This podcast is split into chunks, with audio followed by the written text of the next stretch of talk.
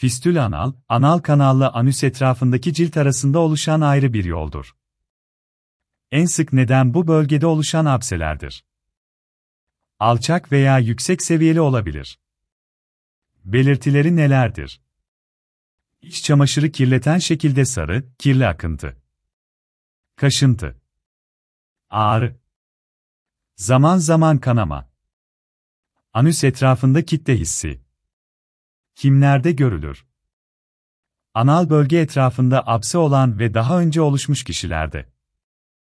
Hemoroid hastalarında. Kronik anal fissürü olanlarda.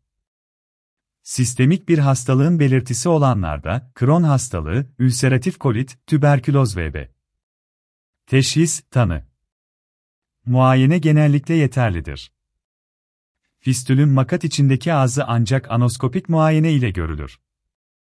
Komplike fistüllerde radyolojik görüntüleme yöntemlerine ihtiyaç duyulur, fistülografi, rektal ultrasonografi gibi.